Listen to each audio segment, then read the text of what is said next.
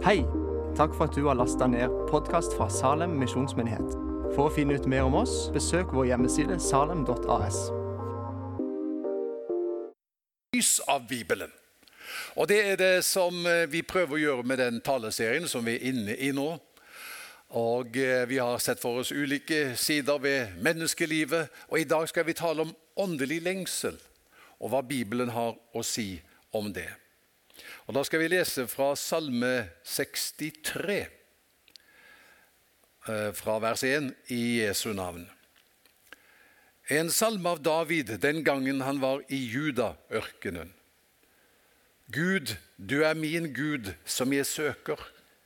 Min sjel tørster etter deg, min kropp lengter etter deg i et vannløst, tørt og utarmet land. I helligdommen skuet jeg deg, jeg så din makt og herlighet. For din miskunn er bedre enn livet, mine lepper skal synge din pris. Slik vil jeg velsigne deg hele livet og løfte hendene i ditt navn. Jeg mettes som med fete retter, med jublende lepper priser jeg deg. Jeg tenker på deg der jeg ligger og hviler, og grunner på deg gjennom natten. For du har vært en hjelp for meg, jeg jubler i skyggen av dine vinger. Jeg holder fast ved deg, din høyre hånd har grepet meg.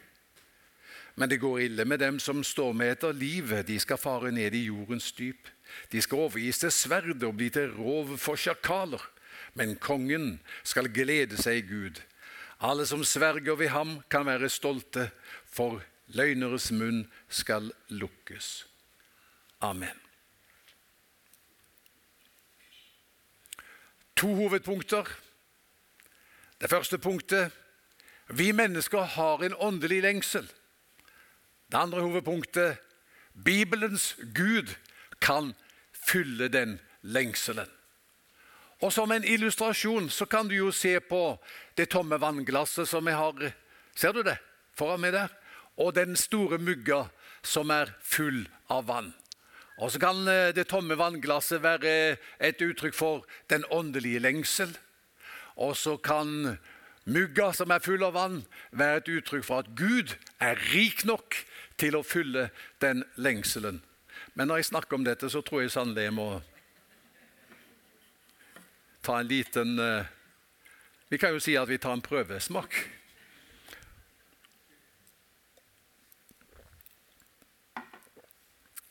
Det var godt skrevet, deg. Ok, For det første mennesket har en åndelig lengsel. Hva leste vi?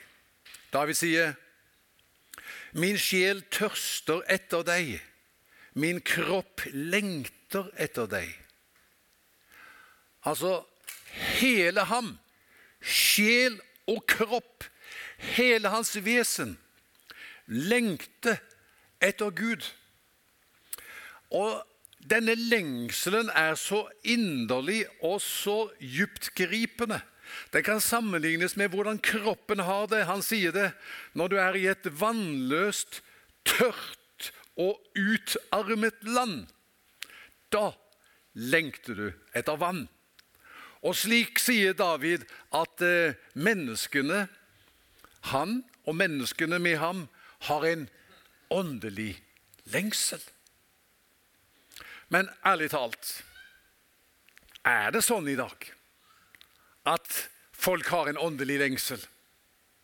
Er menneskene i Norge fortsatt opptatt av det åndelige? Ja, det er et betimelig spørsmål. På første halvdel av 1900-tallet så mente forskerne at etter hvert som de ulike vitenskapene skred fram og menneskenes kunnskap økte, så ville tro og religiøsitet forsvinne fra arenaen. Og Det er en undersøkelse fra 2017 som synes å tyde på det også. For da svarer 46% av det norske folk at de ikke tror på Gud. Snakker ikke med meg om Gud, han tror jeg ikke på. 34% svarte at de trodde.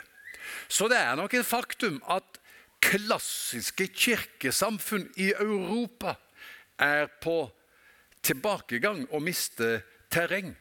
Allikevel så sier forskerne at de tror ikke på den påståtte gudløsheten.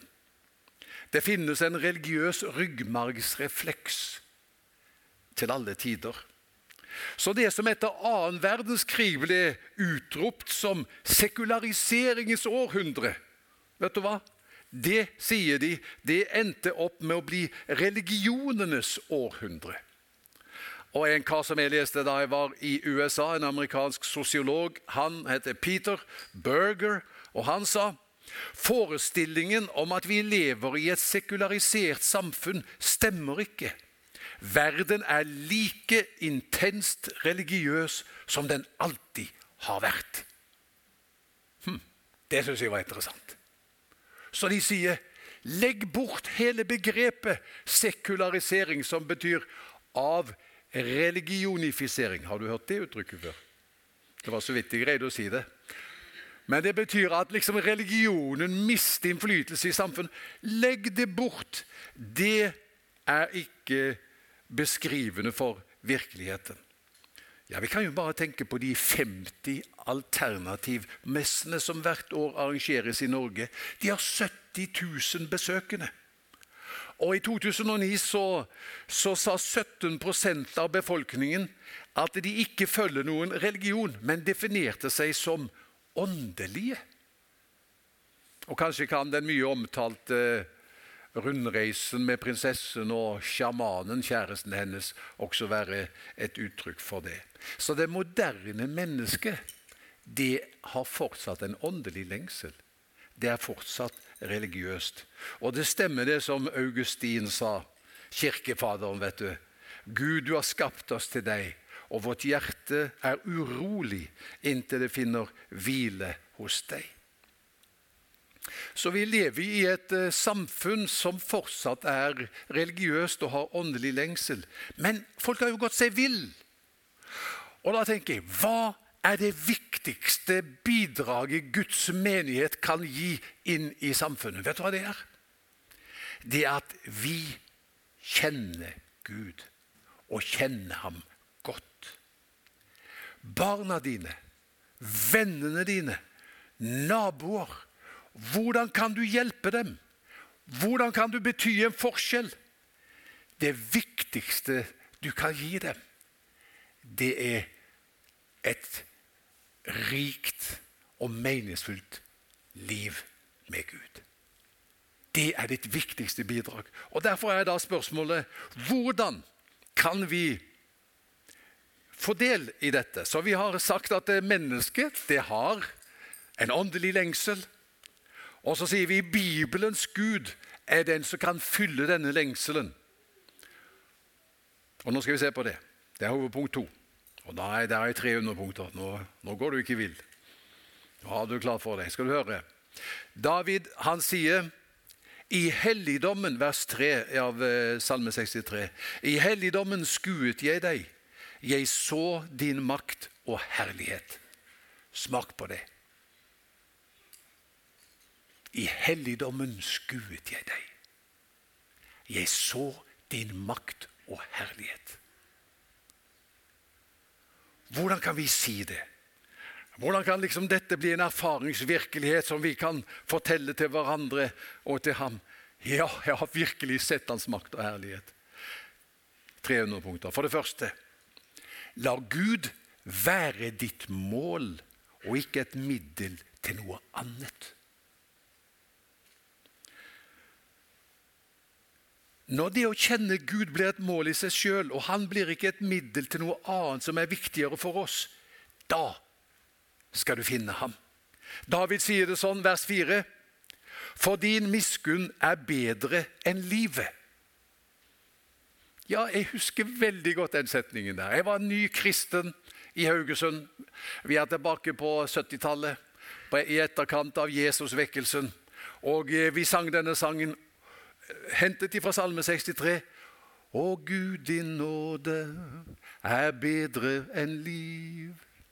Å Gud, din nåde er bedre enn liv. Ja, du syns sikkert det er bra at jeg har slutta å synge. Det er helt riktig. Men vi sang i alle fall sånn. Og jeg tenkte Hva betyr det? Å Gud, din nåde er bedre enn liv.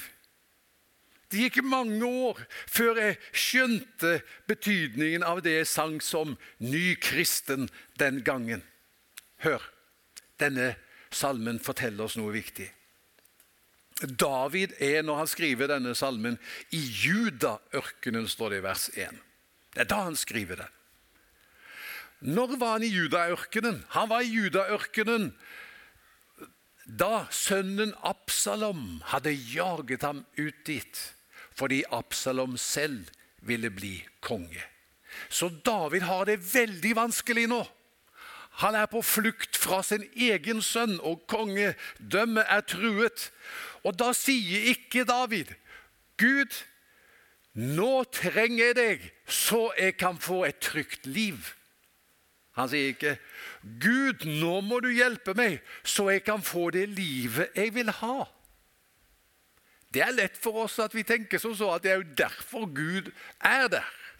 Han er jo til for å gi meg det livet som jeg vil ha. Jeg ønsker meg eh, en mann eller en kone. Jeg ønsker meg tre barn.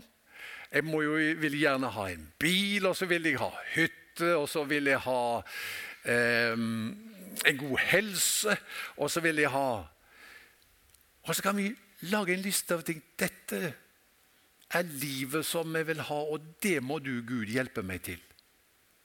Da blir Gud et middel og ikke et mål. Ser du det? Så det som David sier når han sier 'din miskunn er bedre enn livet', da sier han, 'Vet du hva? Hvis jeg har din miskunn, da har jeg det jeg trenger'. Da kan eh, Absalom jage meg ut i ødemarken. Da kan kongedømmet mitt bli truet. Da kan livet være krevende, og utfordringene kan stå i kø som lavtrykkene ute i Nordsjøen på høsten. Men jeg har din miskunn, og da har jeg det livet jeg vil ha. Din miskunn er bedre enn livet. Jeg elsker deg, Gud, sier han, for den du er i deg sjøl. Og du er et mål for meg og ikke et middel til noe annet som er viktigere enn deg. Ser du det? Så det er noen som sier at eh, det er én ting å søke Guds hånd, og så er det noe annet å søke Guds ansikt. Det er lett å søke Guds hånd, og da søker vi Hans gaver og det Han vil gi, og det har vi lov til, og det er det plass til. Og så er det liksom å ta det kanskje enda et skritt videre, det er å søke Guds ansikt. Og da har livet utfordringer. Og alt går ikke på skinner. Men jeg har ham. Og han er der for deg når du søker ham, eh, søker hans ansikt, og ikke nødvendigvis hans gaver, og at han skal gjøre livet veldig lett. Han er der for deg da. Det står i Bibelen at han har to adresser. I det høye og det hellige bor jeg. Det er den ene adressen den andre adressen, og hos den som er sønderknust og nedbøyd i ånden. For å gjenopplive de nedbøydes ånd og gjøre de sønderknustes hjerter levende. Så det er det ene for å finne Gud, at vi søker ham som et mål i seg selv, ikke som et middel til å oppnå noe annet. Derfor sier David i Salme 63, vers 12, men kongen, sier han om seg selv, skal glede seg i Gud. Midt i vanskelighetene, sier han. Jeg skal glede meg i Gud. Så, Det var punkt én. Punkt to. Hør. David sier ja, Overskriftene over, over eh, dette det er Fellesskap med Gud. Det er en rett som Kristus har vunnet for deg. Dette er gode nyheter. Det er evangeliet, så hør godt etter. Fellesskap med Gud. Dette livet Hva sier han? Han sier eh, 'Jeg skuet deg i helligdommen, jeg så din makt og herlighet' så tenker du den som bare var så åndelig at han kunne si 'Jeg har sett hans makt og herlighet'. Da skal du høre at dette fellesskapet med Gud det er en rett som Kristus har vunnet for deg. David sier, 'Gud, du er min Gud som jeg søker'. Min Gud. Han opptrer som en sønn når han sier dette. Barn har rettigheter. Nå er vel Jan Martin gått ut, antagelig, ellers så kunne jeg sagt det, du får si det til ham at jeg hadde et spesielt budskap til ham. At barn har rettigheter. Et barn kan si til den mannen si, 'Han er min pappa'. Ikke sant? Kan, det kan Wilhelm Ellison si. Peke på Jan Martin, og så kan han si, 'Han er min pappa'. En mann som har et barn, har mistet sin uavhengighet. Og det jeg tenkte å si til Han bare for å oppmuntre han litt. Barn har krav på foreldres tid. Adgang 24-7. Jeg ville gi disse oppmuntrende ordene til ham. og vi kjenner til det fra egen, egen, erfaring at det er noe fantastisk med å kunne si 'min pappa'. Jeg kan jo si når jeg ser på Bente som sitter her, det, det, Bente Borg Johansen, hun er kona mi, så jeg kan si 'min Bente'. Det er det faktisk bare jeg som kan si. Jeg tror det. Kanskje mora di sier det. Gjør hun det? Men i alle fall så, så, kan jeg si det. Min Bente. Og poenget mitt er dette har Jesus vunnet for deg ved sin død og oppstandelse. Den relasjonen med Gud har han vunnet for deg. Han som er min far og far for dere, sier han til disiplene om Gud. Han sier Gud er min far, og vet du hva? Ved min død og oppstandelse så har jeg altså vunnet en relasjon nå for dere med ham som er tilsvarende han som er min far og far for dere.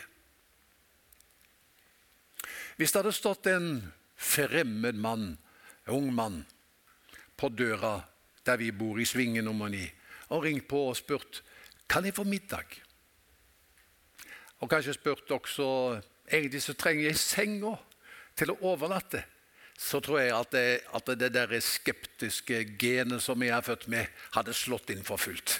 Og så hadde jeg nok sagt at eh, Vel, jeg vil gjerne hjelpe deg, men og, og, eh, matbit kan du få, men akkurat overnatting jeg er ikke helt sikker. Men du Hvis det var Jon David, sønnen vår, eller Kristian, som sto der sammen med denne mannen og sa 'Pappa' all karen her Jeg møtte han i, i Wergelandsparken. Han er litt sliten. Han har ikke spist på tre dager. Er det greit for deg at uh, du Jeg vet at du har noe godt i fryseren. Er, det, er, det greit at du ordner litt mat til han? Og så forresten, han trenger seng òg. Det blir jo noe annet når han kommer sammen med min sønn. Ja, men det er klart. Dette skal vi legge til rette for. Og Det er altså det som er poenget. Ved sin død og oppstandelse har Jesus åpnet en dør for deg til fellesskap med Gud. Det er en rett som du har. Ja, Hvis vi kommer i vårt eget navn, har vi ikke mye å gjøre krav på. Men når du kommer i Jesu navn, så ærer du Jesus med å si Takk, Jesus, for at dette har du vunnet for meg. Jeg kan ha fellesskap med Gud, og jeg kan få erfare hva David sa. Jeg har vært i helligdommen, og jeg har sett din makt og din herlighet. Tenk på hva det står i Galaterbrevet 3. Husker dere at vi har hatt en prekenserie om Galaterbrevet? Ja. Og Et av de versene som eh, vi eh, hadde fremme der, det er fra vers 5 i eh, kapittel 3. Han som gir dere ånden og gjør under blant dere, gjør han det ved lovgjerninger eller ved at dere hører og tror? Hele poenget med det verset det er at det går an å oppleve Guds nærvær på forunderlige måter noen ganger, med et sterkt åndsnærvær og endog under. Eh, og det skjer ikke på bakgrunn av at vi er ekstra fromme eller eh, eh, har avansert i det åndelige, men det er fordi vi hører og tror. Hører hva da? Budskapet om ham som døde og sto opp, og tror på det. Så har vi Guds, tilgang til Guds nærvær. Det tredje og det siste når det gjelder eh, hvordan vi kan erfare eh, Guds nærvær i vårt liv. Det, det første det var eh, at vi søker ham fordi han er i seg selv, og ikke fordi han har å gi. Han er ikke et middel til noe annet, men et mål i seg selv. Og da sier vi med David at uh, din miskunn er bedre enn livet. Ikke sant? Det var det. Og så det andre, det er at eh, vi eh,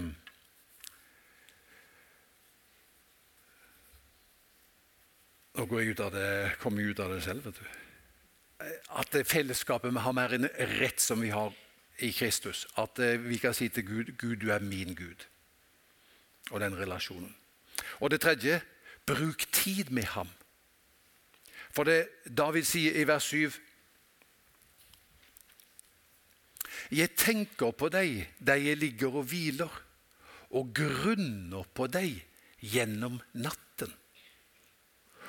Hvordan skal vi erfare eh, Guds nærvær i vårt liv? Det er nok mange liksom, avenyer eller veier inn til dette. Men en av dem er hva David her beskriver. Han sier, 'Tenk på Guds sannhet. Ta Guds sannhet. Tenk på den. Mediter på den.' Det er hva han gjør. Han tenker på Gud når han ligger og hviler, og grunner på ham gjennom natten. Så jeg vil oppmuntre deg til å ta Guds sannhet, tenke på den, meditere på den, til alt annet som du har gitt kjærlighet og oppmerksomhet, blekne. Ta Guds sannhet og tenk på det, og grunn på det, til de tar fyr. Ja. For eksempel Gud er min far. Er det sant? Hvem vil si at det er sant for deg? Du vet Gud er min far. Hvis vi hadde åndsopprekning, så ville vi si ja, det vet jeg. Gud er min far. Da vil David si det tenker jeg på når jeg ligger og hviler. Det grunner jeg på gjennom natten. Gud er min far. Når det tar fyr, kan du møte hva som helst. Du har hørt om spurven og liljen som snakket sammen. Og Så sier spurven til liljen at eh, 'Har du sett alle disse menneskene?' 'Ja', sier liljen. 'Har du sett hvor bekymret de er?' 'Absolutt'. De går med så triste ansikt og så bøyde hoder. Ja, det er underlig med disse menneskene. Så heldige vi er, du og meg, sier liljen og spurven til hverandre, som har en far i himmelen. Ikke sant? Du husker hva Jesus sier om spurven og liljen. Det er synd på disse menneskene. De kan ikke ha en far i himmelen, de. Så vet vi vi har en far i himmelen som har omsorg for oss. Og Da kan vi forstå han forkynneren som eh, han var bekymret. Også forkynnere kan bli bekymret. Som sitter og tenker på alt han ikke rekker over, eller hva det er, og så begynner han å le. Og så spør en som, som, registrerer dette, hva er det du ler av? Får jeg lov å spørre om det? Ja, så sier han, jeg, har vært så bekymret for så mange ting. Men så slo det meg at å være bekymret når man har en far i himmelen, det er jo som å være en torsk i Nordsjøen som lurer på om det er nok havvann å svømme i. Ikke sant? Er det nok havvann for en torsk i Nordsjøen til å svømme i? Ja, det er det.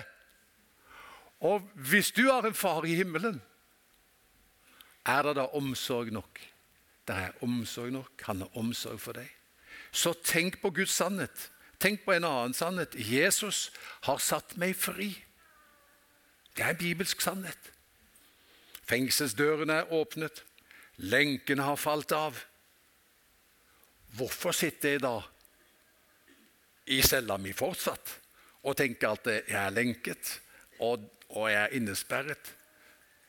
For eh, Kristus sier han har kjøpt meg fri. Og Når du lar denne tanken synke ned i deg, til den tar fyr, så gjør det noe med deg. Eller at Ånden er kommet. Er det sant? Er Ånden kommet? Bor Han i ditt hjerte? Grunn på det. Tenk på det. Takk ham for det. Pris ham for det. Du er kommet, du er her. Da vil det du tenker over, da vil det formes til lovprisning. Og det er hva David også sier videre. Han sier i vers 5.: Så vil jeg love deg hele livet og løfte hendene i ditt navn. Det er liksom en frukt av at vi tenker på Guds sannhet. Da løfter vi hendene og lover Gud. Og så sier han, da mettes min sjel som med fete retter. Med jublende lepper priser jeg deg.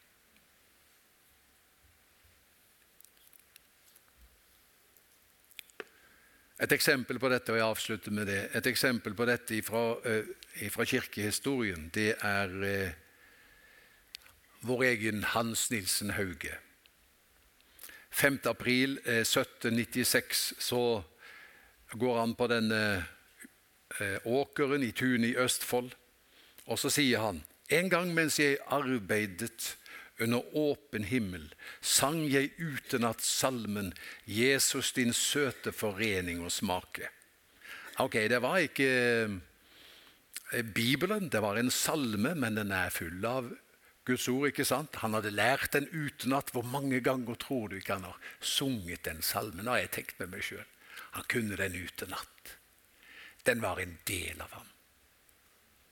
Og det er noe som skjer det er liksom som sannheten i denne salmen tar fyr på et øyeblikk i denne mannen. For han sier, da jeg hadde sunget det andre verset, som lyder sånn Styrk meg rett kraftig i sjelen der inne, at jeg kan kjenne hva Ånden formår. Ta meg til fange i tale og sinne, led meg og lokk meg så svak som jeg går. Meg og hva mitt er, jeg gjerne vil miste, når du alene i sjelen vil bo. Og se omsider på døren må liste hva som forstyrrer min inderlige ro. Slik sang han. Da, sier han, ble jeg så oppløftet til Gud at jeg ikke kan gjøre rede for hva som foregikk i min sjel, for jeg var utenfor meg selv. Men da jeg omsider kom til meg selv, var det bare én ting som sto for meg. At jeg ikke hadde elsket Gud over alle ting, men at jeg nå ikke lenger brydde meg om noe annet i denne verden. Det er fascinerende. Og Bjørnson, han skrev til Brandes Det er tvilsomt om vi egentlig har sett kristendom i Norge før Hans Nilsen Hauge, men nå er den kommet. Det er sterkt. Og hva kunne vår samtid trenge? At Guds sannhet tar fyr. Ikke sant? I oss. Hør hva det står i Zakaria 8. Og det er så Jeg har lyst til å profetere det over denne forsamling.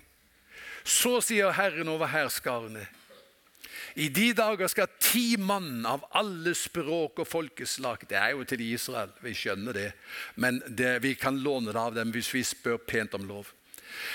Da skal ti mann av alle språk og folkeslag gripe tak i kappefliken til en judeisk mann og si:" La oss få gå med dere, for vi har hørt at Gud er med dere.